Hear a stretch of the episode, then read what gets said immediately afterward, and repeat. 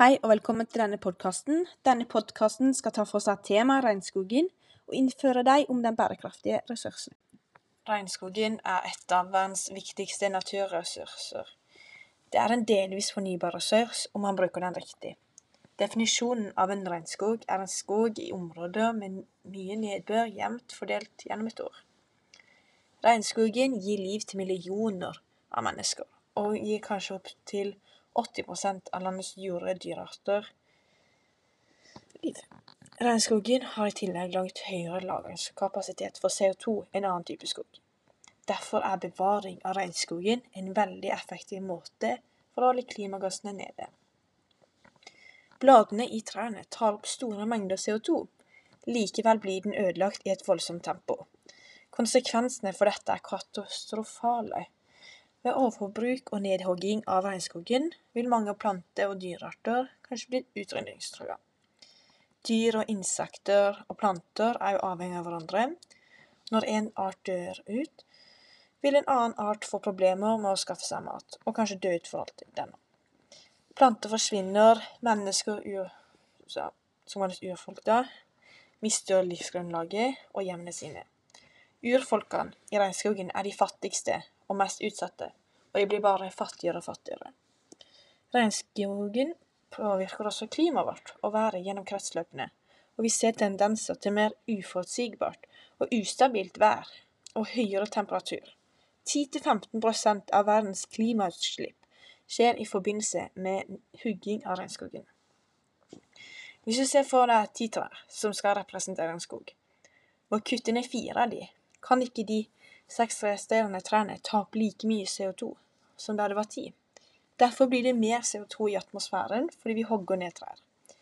Ved å fortsette med nedhogging av regnskogen vil få forferdelige konsekvenser. Etterspørselen etter råvarer er hovedårsaken til at mengder av regnskogen ødelegges.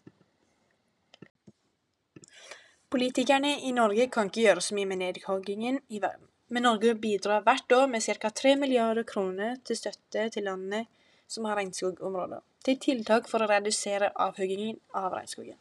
Den største regnskogen ligger i Amazonas i Sør-Amerika. Om politikerne i Sør-Amerika har strengere krav mot å kutte ned regnskog, vil kanskje mange planter, insekter og dyr som er utrydningstrua, overleve. På den andre sida er det ikke sikkert at mange politikere kan stanse det, fordi da faller landets inntekter og mange arbeidere i regnskogen blir arbeidsløse. Befolkningsøkning og økt forbruk bidrar til økt ressursbehov. Det er stor etterspørsel etter råvarer som mat, dyrefôr, tømmer, papir og drivstoff i verden. I Norge er det to andre viktige årsaker. Det er jo bygging av veier og vannkraftverk. Da trenger du ressurser som kan hentes fra nedhogg i regnskogen. For at verdens befolkning skal få sine ressursbehov oppfylt, blir regnskogen da utnyttet i bytte. Det blitt starta flere internasjonale prosjekter for å ta vare på regnskogen. Bakgrunnen for dette er regnskogens betydning for klimaet vårt. Det har vært manglende lovverk for å beskytte regnskogen, samtidig oppfølging over at lovene følges. Ved å ta i bruk ny teknologi kan det bli enklere å følge opp arbeidet for å bevare regnskogen. Droner blir bl.a. brukt i flere land til å overvåke og stoppe ulovlig hogst. Vi bruker dermed teknologi for å ivareta og håndtere lover, slik at regnskogen kan bli brukt på mest mulig bærekraftig måte. Jeg tror at teknologien kan bli svært viktig for hvordan verden og nå regnskogen kan bli forandra og bedre sikra. Vi utvikler stadig ny og avansert teknologi som bør utnyttes til å ivareta naturressurser. Jeg tror at den økende populasjonen i verden er vanskelig å stanse, men også politikerne kan ikke gjøre for mye, de heller.